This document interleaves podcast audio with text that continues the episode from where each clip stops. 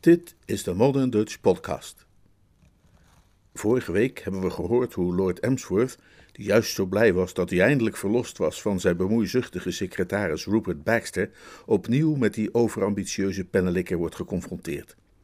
Het is duidelijk dat Lord Emsworth's bazige zuster, Lady Constance, haar protégé Baxter opnieuw als Lord Emsworth's secretaris geïnstalleerd zou willen zien. Voorlopig heeft ze hem echter even aangesteld als huisleraar van de kleine George, Lord Emsworth's kleinzoon, die tijdens de vakantie de tuinen rond het huis onveilig maakt met zijn luchtbuks. Dan is er ook nog Lord Emsworth's nichtje Jane, dat graag zou trouwen met ene George Abercrombie. Om haar te kunnen onderhouden zou George echter wel de baan van rentmeester moeten krijgen op het landgoed Blandings. Lord Emsworth gunt hem die graag en hij heeft dat ook aan Jane toegezegd. Maar Lady Constance denkt daar heel anders over en dwingt Lord Emsworth zijn belofte te breken. Jane komt daarover verhaal halen.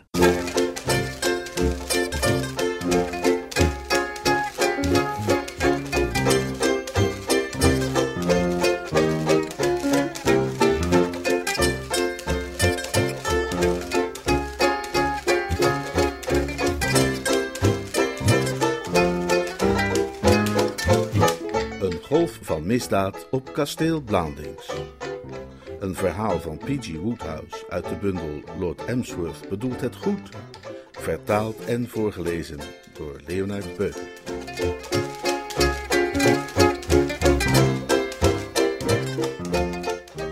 Oom Clarence? Eh, kindje? Is dit het geschikte moment voor geleuter? Eh, maar kindje? Wel dan, gebruik uw geweten en vraag het u zelf af. Hier sta ik en iedereen om me heen stroopt zijn mouwen op en spuugt dus flink in zijn handen om mij het geluk in mijn leven te ontnemen. En in plaats van dat u dan vriendelijk bent en begrijpend en medelevend, begint u een hoop onzin te leuteren over kleine George.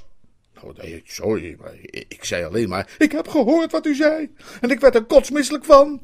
U moet wel de meest hardvochtige man zijn die ooit heeft geleefd. Ik kan me niet begrijpen dat van alle mensen juist u zich zo gedraagt, oom Clarence. Ik heb altijd gedacht dat u op mij gesteld was. Ja, ja maar ik, ik, ben ook op je gesteld, Jane. Nou, dat lijkt er anders helemaal niet op. Om je aan te sluiten bij zo'n smerig complot om mijn leven te bederven en ongelukkig te maken. Lord Emsworth herinnerde zich een beproefde opmerking. Uh, maar uh, het is uh, voor je bestwil, mijn kind. Dat viel niet erg goed. Onmiskenbaar een vlammende schicht schoot uit haar ogen. Hoe bedoelt u? Mijn bestwil? Als je naar tante Constance luistert en zoals u met haar meepraat, zou iedereen toch gaan denken dat George een halve gaar is met een strohoed op en mijn pimpelpaarse sjerp om zijn middel, die ik heb opgepikt op de pier van Blackpool. Maar denk eraan dat de Abercrombies een van de oudste families zijn van Devonshire. Hun geschiedenis gaat terug tot de Normandische invasie en de kruistochten hebben ze praktisch helemaal zelf gevoerd, terwijl uw voorouders thuis bleven omdat ze zogenaamd onmisbaar waren voor de vredestaken in het nationaal belang en baantjes ritselden op de thuisbasis, vochten de Abercrombies daar ginder tegen de heidenen. Ik, ik, uh, ik heb op school gezeten met een uh, jongen die Abercrombie heette, zei Lord Emsworth nadenkend. Nou, dan hoop ik dat hij u flink geschopt heeft. Nee, nee, nee, nee, dat meen ik niet. Dat, dat spijt me. Ik zal proberen dit gesprekje vrij te houden van, uh, van hoe heet het? Lord Emsworth zei dat hij het niet wist. Van uh, animositeit. Ik wil kalm blijven en wel overwogen en redelijk. Eerlijk waar, oom Clarence, u zou George zelf ook geweldig vinden. En u bent niet goed snik als u hem laat gaan zonder hem zelfs maar te hebben gesproken. Het is de geweldigste man van de hele wereld. Hij was dit jaar bij de laatste acht op Wimbledon. Oh ja, zeg. Goh, de, de laatste acht uh, waarvan? En je hoeft hem niets te vertellen over het beheren van landgoederen. Het eerste wat hij zei toen we hier in het park kwamen was dat er een hoop kaphout stond waar eens dringend naar gekeken moest worden. Dat is wel uh, verdomde brutaal, zeg, uh, merkte Lord Emsworth geënerveerd op. Mijn kaphout staat er uitstekend bij. Niet volgens George, en die heeft verstand van kaphout. Nou, zeg, alsof ik geen verstand van kaphout heb. Niet zoveel als George. Maar daar hebben we het nu niet over. We hadden het over dat smerige complot om mijn levensgeluk te bederven. Waarom kunt u niet gewoon eens wat meer lef tonen en ronduit voor mij opkomen? Begrijpt u dan niet wat dit voor mij betekent? Bent u zelf dan nooit verliefd geweest? Ja, nee, tuurlijk. Tuurlijk ben ik wel eens verliefd geweest, eh, dat talloze keren. ja, je zult daar misschien om uh, lachen en zo, maar ken dat verhaal, uh, was, was wel grappig. Ik ben niet in de stemming voor uw anekdotes. Nee, nee, nee, nee, nee, precies. Nee, tuurlijk niet. Alles wat ik van u wil horen, is dat u George die baan gaat geven van Simmons, zodat wij kunnen trouwen. Ja, ja, maar je, je tante ziet die zaak heel. ja, ik weet wat zij ziet. Zij ziet mij het liefst trouwen met die sokkel van Rogate. Oh ja? Ja, en daar komt absoluut niets van in. Ik zou nog niet met Bertie Rogate trouwen, als, al, was hij de laatste man op aarde. Hi, dat is, dat is een liedje dat zo gaat, zei Lord Emsworth geïnteresseerd. Uh, in, in de oorlog zongen ze dat, uh, alleen was het geen man, maar meisje. Als jij het enige me... Hoe ging, dat? Uh, oh, wacht. als jij het enige meisje was en ik de enige man... Oh, Clarence! Uh, ja, mijn kind. Niet zingen, alstublieft. U bent hier niet in de kroeg in het dorp. Ik, ik, ik, ben nog nooit in de, in de kroeg in het dorp geweest. Of op een liefdadigheidsconcert. U hebt echt de vreemdste opvattingen over hoe men zich te gedragen heeft wanneer men een meisje te woord staat, wie levensgeluk door hordes van mensen om het hardst wordt bedreigd. Eerst begint u te leuteren over een kleine George, vervolgens wilt u me grappen gaan vertellen en nu zingt u weer kolderieke liedjes. Dat, dat, was geen, geen kolderiek uh, liedje. Nou, zoals u het zong wel. Maar zeg nu eens op. Hè? Uh, wat? Heeft u nu eindelijk besloten wat u hieraan gaat doen? Uh, waaraan? Zijn nicht was een ogenblik stil. En gedurende dat moment leek ze zo sterk op haar moeder dat Lord Emsworth de rillingen over de rug liepen. Om Clarence! Zei ze met ingehouden trillende stem. U gaat toch niet beweren dat u niet weet waar wij het de hele tijd over gehad hebben? Gaat u George nu wel of niet die baan geven? Nou. Nou? Nou. We kunnen hier niet eeuwig nou tegen elkaar blijven staan te zeggen. Wat wordt het nou, ja of nee? Maar kindje, ik, zou niet weten hoe ik dat zou kunnen beslissen. Je, je tante ziet de zaak zo heel uh, eenduidig. En uh, hij sprak mompelend en vermeed de blik van zijn gesprekspartner. Juist had hij zichzelf onderbroken om naar woorden te zoeken, toen van buiten op de oprijlaan plotseling een baaierd van geluid naar binnen drong. Stemmen klonken op en werden verheven daar in de vrije buitenwereld. Hij herkende de dramatische mezzo van zijn zuster Constance, die zich vermengde met het Zo hé, een jonge sopraan van zijn kleinzoon George. Tegen die beiden in deed zich de kelige bariton van Rupert Baxter horen. Dolblij met de gelegenheid om van onderwerp te kunnen veranderen, haastte hij zich naar het venster. Uh, pot, pot van doosie zeg, wat, wat is dat allemaal opeens daar buiten? De veldslag, waar die ook over gegaan mocht zijn, had zich kennelijk verplaatst in onbekende richting, want vanuit het raam viel nu niets meer te zien dan Rupert Baxter, die een sigaret stond te roken met kennelijk nogal overspannen halen. Lord Emsworth keerde zich om en ontdekte tot zijn onuitsprekelijke opluchting dat hij alleen was. Zijn nichtje was verdwenen. Hij nam Wiffles over de verzorging van varkens ter hand, maar had nog nauwelijks de kans gekregen weerom het volmaakte proza te genieten van dat majestueuze hoofdstuk over draf en zemelenpap toen de deur openging. Daar was Jane weer. Ze stond op de drempel en wierp haar oom een kille blik toe. Aan het lezen, oom Clarence? Ah, oh, uh, ja, ik, ik, keek juist uh, wiffels over de verzorging van varkens even in. Dus u heeft werkelijk het lef om te gaan zitten lezen op een ogenblik als dit? Nee, maar. Leest u ook wel eens misdaadromans, oom Clarence? Uh, uh, wat? Uh, misdaadromans? Nee, nee, nee, nooit. Oh, jammer. Ik was er pas één aan het lezen. En ik had gehoopt dat u me iets zou kunnen uitleggen wat ik niet begreep. Iets wat zo'n boef zei tegen een andere boef. Zo? Wat dan? Die boef, die ene boef, zei tegen die andere boef, zeg maar de tweede boef: Goscoleren, Henk Spijvens, wat een pleurtig verneukeratieve schijnheilige lorrendraaier van een vuile blindhokker ben jij toch? En ik vroeg me af of u me kon zeggen wat dat was. Een pleurtig verneukeratieve schijnheilige lorrendraaier van een vuile blindhokker, oh Clarence? Het spijt me, kindje. Nee. Oh, nou, ik had gedacht dat u dat wel wist. Uh, nee. Oh. Ze verliet de kamer en Lord Emsworth hervatte zijn Wiffle-studie.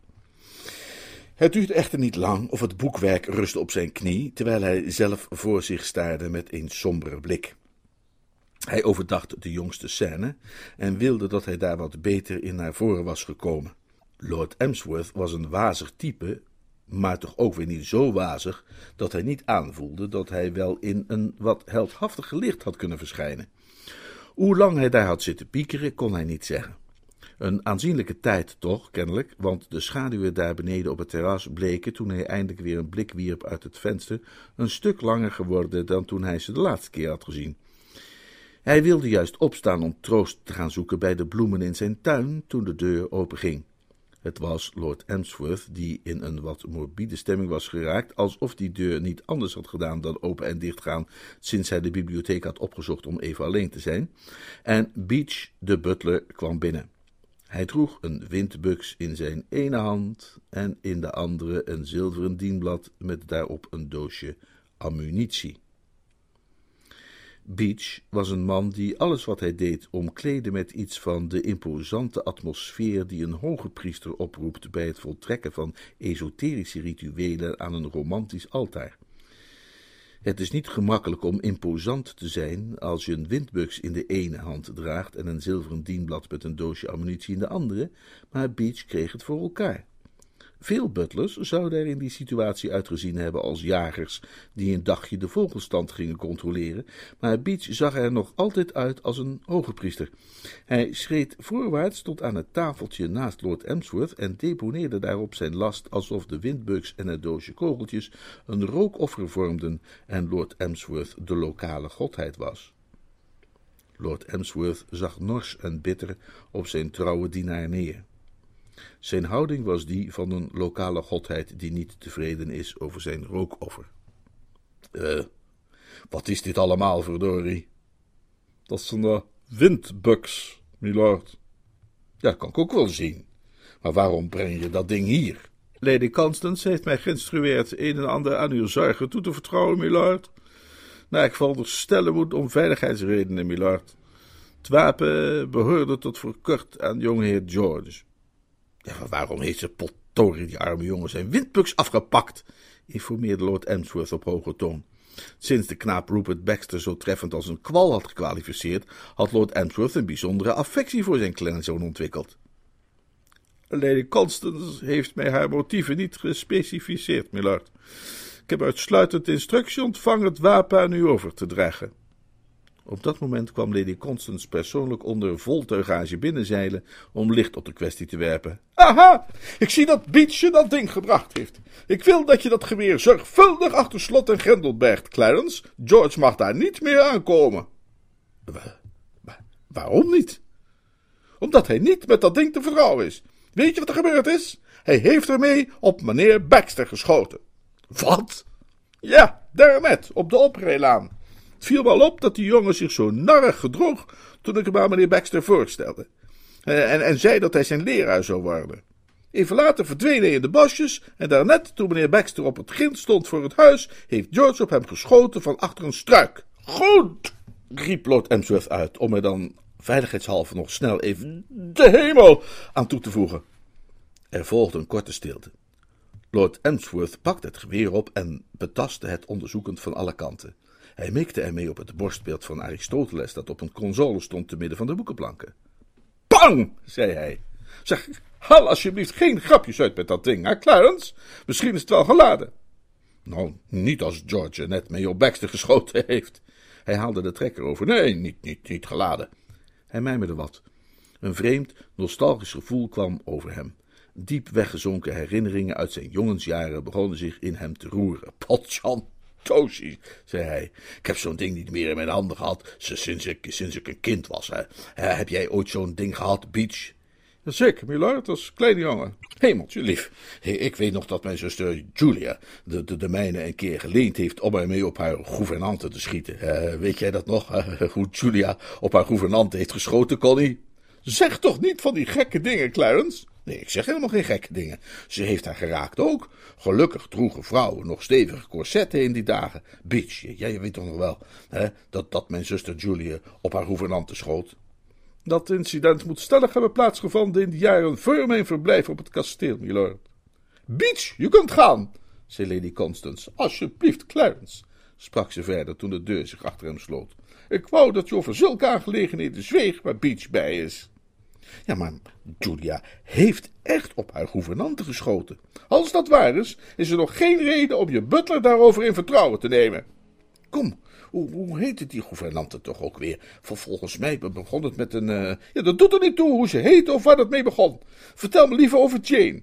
Ik zag haar uit de bibliotheek komen. Heb je met haar gepraat?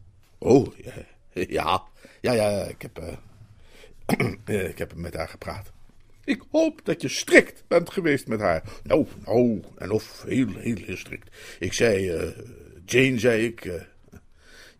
Ja, maar, potverdorie, Connie. zijn wij nou niet wat te hardvochtig tegenover dat meisje? We willen toch niet haar hele levensgeluk bederven, is het wel? Ik wist wel dat ze jou zou proberen over te halen. Maar denk eraan, je geeft geen duimbreed toe. Ja, maar, maar, die kerel van haar schijnt een hele geschikte kerel te zijn, hè? E een van de Abercrombies en dat soort van uh, dingen, zeg. Uh, prima gepresteerd in de kruistochten ook, en al. Ik zal niet toestaan dat een nicht van mij zich verslingert aan een vent die geen cent bezit. Maar met die Rogate zal ze nooit trouwen, weet je. Niets zal haar daartoe overhalen. Ze zei dat ze nog niet met Rogate zou trouwen, al was ze het enige meisje ter wereld en hij de enige jongen. Dat kan me niet schelen wat ze zijn. En ik ga niet verder met jou eh, over zulke dingen in discussie. Ik ga nu George naar je toe sturen, dan kun je die eens een stevige uitbander geven. Daar, daar, daar, uh, daar heb ik geen tijd voor. Daar heb jij wel tijd voor? Dat, dat, dat, heb ik niet. Ik ga naar buiten om naar mijn bloemen te kijken. Daar komt niets van in. Je gaat een praatje maken met George. Ik wil dat jij hem ondubbelzinnig laat inzien wat voor afschuwelijks hij heeft gedaan. Meneer Baxter was woedend. Ja, nu, nu weet ik het opeens weer, riep Lord Emsworth uit. Mapleton. Waar heb je het over? Ze heette Mapleton, Julia's gouvernante. Houd toch eens op over Julia's gouvernante. Zul je George even goed de mantel uitvegen? Ja, goed dan. Goed dan. Mooi zo. Ik zal hem naar je toesturen. En even later kwam George binnen. Voor een jongen die zojuist het blazoen van een eervol geslacht heeft besmeurd door huisleraren met windbuksen te bestoken, zag hij er opmerkelijk vrolijk uit. Zijn hele houding was die van iemand die eens gezellig een praatje komt maken met een oude makker. Hoi, grootpapa, groette hij joviaal. Uh, hoi, mijn jongen, antwoordde Lord Emsworth al even hartelijk. Tante Connie zei dat u me wilde spreken. Nee, oh, ah, ja, nee, ja, klopt. Lord Emsworth vermande zich. Dat, dat, dat, dat is waar. Zeker, zeker. Ja, nou. Uh, ik wil jou dus spreken. Wat, wat hoor ik, mijn jongen? Hè? Zeg, hm, hm, wat, wat, wat hoor ik? wat, wat hoor je wat, grootpapa? Nou, op, op, op mensen schieten hè? en al dat soort dingen. Hè? Op, op Baxter schieten en al dat soort van, van dingen. Dat, dat kunnen we niet hebben. Hè? Is niet zo best, weet je. Dat is erg, erg verkeerd en erg gevaarlijk ook hoor, om uh, zomaar op mensen te schieten met een uh, karnots van een geweer. Uh, weet je dat niet zeg? je zou iemand wel, wel blind kunnen maken, Jan Dori. Oh, maar ik, ik zou hem niet in zijn oog hebben kunnen raken hoor, grootpapa. Hij, hij stond met zijn rug naar me toe en hij boog voorover om zijn schoenveten vast te maken. Lord Emsworth keek verrast op. wat? heb jij Baxter op zijn derrière geraakt? Ja, grootvader. ik bedoel, uh, heel, heel uh, onbehoorlijk. Hij, hm, hij deed zeker nogal een, een sprong. Nou en of, grootpapa, hij maakt een sprong van je welste. oh, oh, ja, zeg.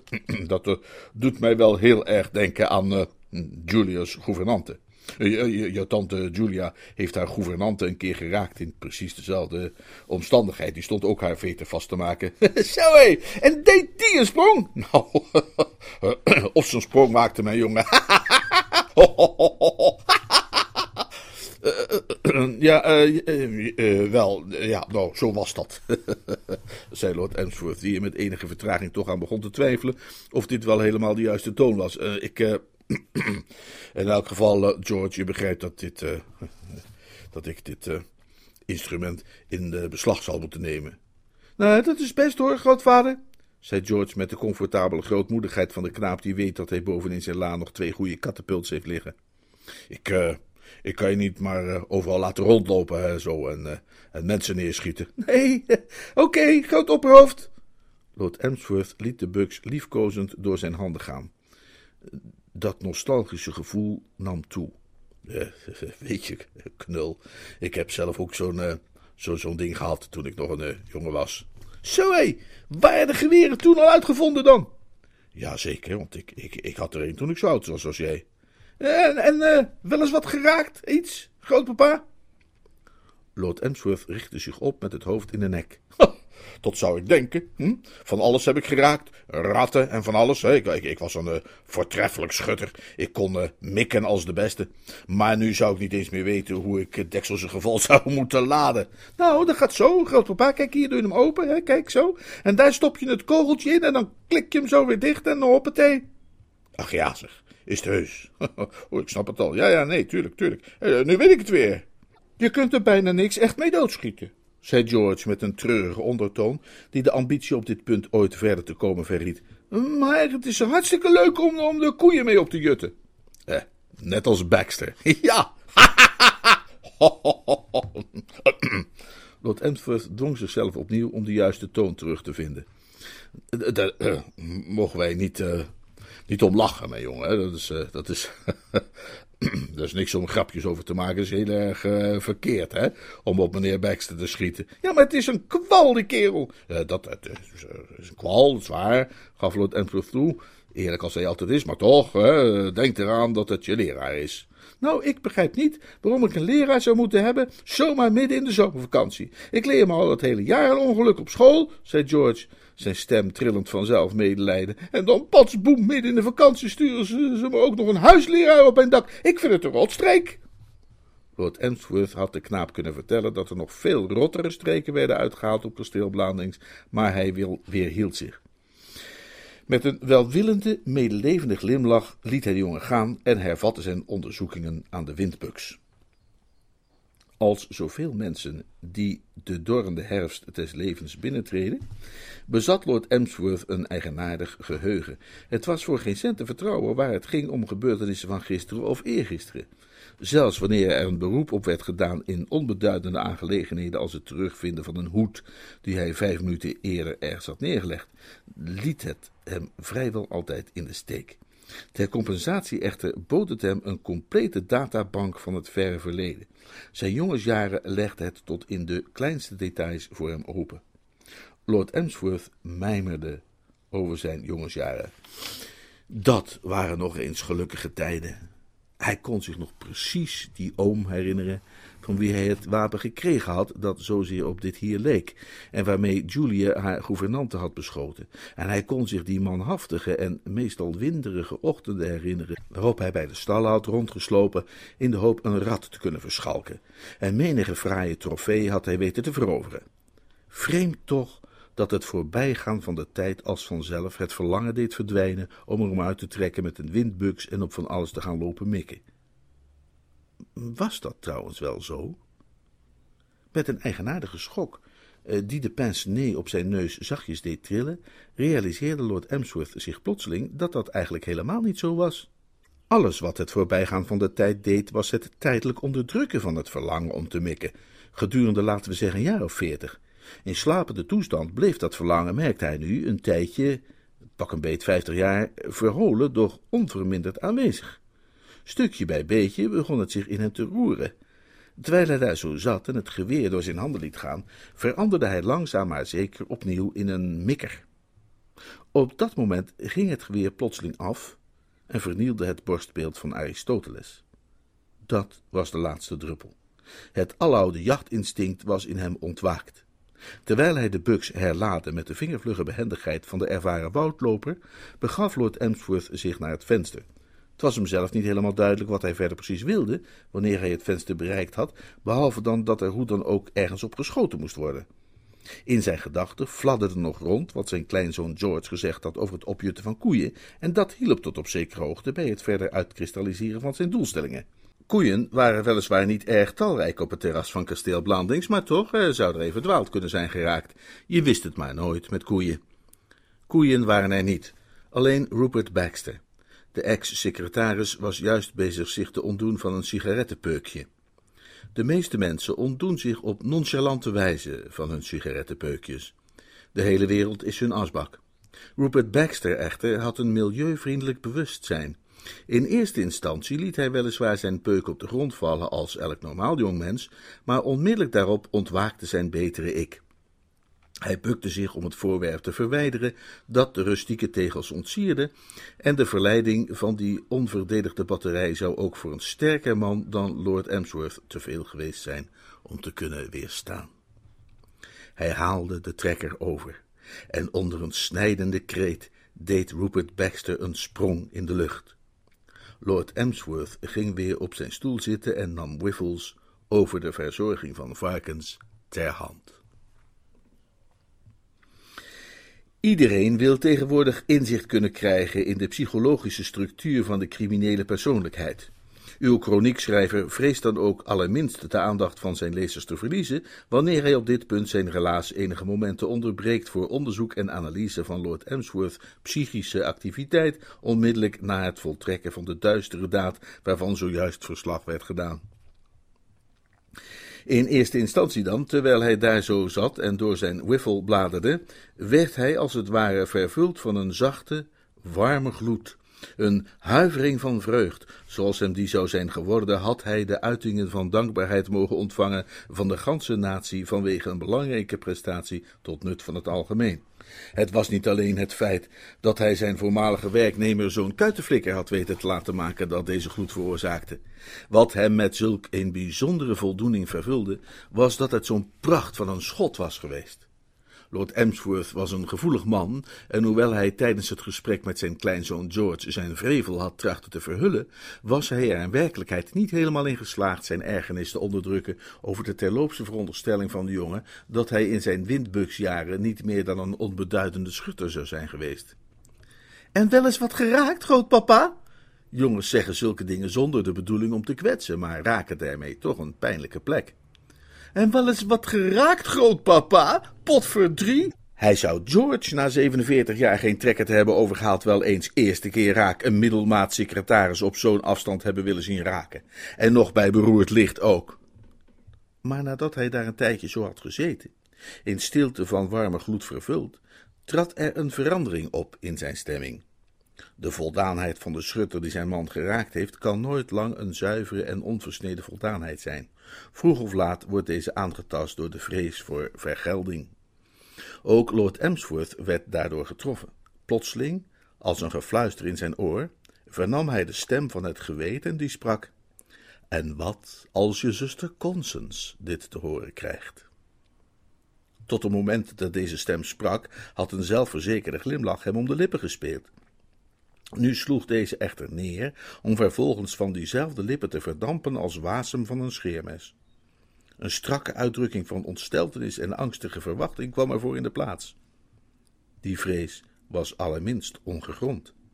Wanneer hij bedacht hoe vernietigend en schrikbarend zijn zuster Constance al te keer kon gaan, wanneer hij zelfs maar een zo vergeeflijk vergrijpen ging als aan tafel te verschijnen voor het avondmaal met een peperklip in zijn boord in plaats van het gebruikelijke boordenknoopje, dan liet zijn verbeelding hem in de steek wanneer hij zich probeerde voor te stellen waartoe zij in het onderhavige geval wel niet zou kunnen overgaan. Hij raakte geel ontzet. Wiffles over de verzorging van varkens ontgleed aan zijn trillende hand. Hij bood de aanblik van een aangeschoten eend die het loodje gaat leggen. Deze gelaatsexpressie ontging Lady Constance, die op dat moment binnentrad, niet. Zij vroeg zich af waar die vandaan kwam. Clarence, wat is er met jou aan de hand? Eh, uh, een hand? Waarom zie je eruit als een aangeschoten eend? Ik zie er helemaal niet uit als een aangeschoten eend, repliceerde Lord Emsworth met zoveel vitaliteit als hij nog op kon brengen. Nou ja, zei Lady Constance, die er geen punt van wilde maken. Heb je met George gesproken? Tuurlijk. Zeker heb ik met uh, George gesproken. Hij, was hier net. Ik, uh, ik heb uh, namelijk met hem gesproken. En wat heb je gezegd? Ik zei. En Lord Emsworth wilde dat volkomen duidelijk zien te maken. Ik zei dat ik absoluut niet zou weten hoe ik zo'n windbuk zou moeten laden. Maar je hebt hem dus geen stevige uitbrander gegeven? Ja, nee, tuurlijk, tuurlijk wel. Een, een, heel, heel stevige uitbrander, hoor. Uh, luister eens, George, zei ik. Hè. Jij mag dan weten hoe je zo'n ding moet laden en ik niet. Maar dat is nog geen reden om op meneer Baxter te gaan schieten. En dat is alles wat je gezegd hebt? Uh, nee, nee, nee, dat was alleen maar het begin van wat ik zei. Ik, uh... Lord Emsworth onderbrak zichzelf. Hij zou zijn zin niet af hebben kunnen maken, al was hem een reusachtige beloning in het vooruitgezicht gesteld, want, terwijl hij sprak, was Rupert Baxter in de deuropening verschenen. Lord Emsworth kroop ineen in zijn stoel als een maffiabaas die door de IRT in het nauw wordt gedreven. De secretaris kwam met enigszins kreupele tred naar voren. Zijn ogen vonkten wild achter zijn brillenglazen en zijn optreden verriet een heftige emotie. Lady Constance staarde hem verbaasd aan. Is er iets mis, meneer Baxter? Mis! Rupert Baxter sprak met verstikte stem en rilde over al zijn leden. Zijn gewoonlijke minzaamheid was verdwenen en hij was duidelijk niet in de juiste mentale conditie om zijn woorden op een goudschaaltje te wegen. Mis! Het was hartstikke raak! Die bliksemse jongen heeft alweer op me geschoten! Wat? Nog maar een paar minuten geleden, buiten op het terras. Lord Emsworth schudde de verlamming van zich af. Dat, dat, dat heeft u zich vast maar verbeeld, zei hij. Verbeeld? Rupert Baxter beefde van bril tot teen. Ik zeg u dat ik op het terras stond en dat ik mij vooroverboog om mijn sigarettenpeukje op te rapen toen ik getroffen werd in mijn. Uh, toen ik uh, getroffen werd. Uh, was waarschijnlijk een, een wesp, zei Lord Emsworth. Daar zijn er dit jaar erg veel van. Ik vraag me af, voert hij er babbelig aan toe, of jullie overigens wel beseffen wat een nuttige diertjes die wespen eigenlijk zijn. Hè? Ze houden de larven van de langpootmug een beetje binnen de perken, die, zoals jullie weten, ernstige schade kunnen berokkenen aan de. Lady Constance's bezorgdheid werd vermengd met verbazing. Maar dat kan George niet zijn geweest, meneer Baxter. Dadelijk nadat u mij verteld had wat hij had gedaan, heb ik zijn windbuks in beslag genomen. Kijk, daar ligt hij, op tafel. Uh, precies, ja, daar, daar op tafel, zei Lord Emsworth en hij wees er behulpzaam naar. Als je hier komt staan, kunt u het duidelijk zien. Moet een wesp geweest zijn. Jij bent toch niet uit deze kamer weg geweest, Clarence? Uh, nee, nee, nee, ik ben hier de hele tijd geweest. Dan kan George dus onmogelijk op u hebben geschoten, meneer Baxter. Uh, precies, zei Lord Emsworth. Een wesp, kan niet anders. Tenzij natuurlijk, zoals ik zeg, u zich de hele kwestie maar hebt verbeeld. Hè? De secretaris verstijfde. Ik leid geen sens aan hallucinaties, Lord Emsworth. Toch wel, beste kerel. Komt vast door een te grote inspanning van de hersens. Je hebt ze de hele tijd. Clarence!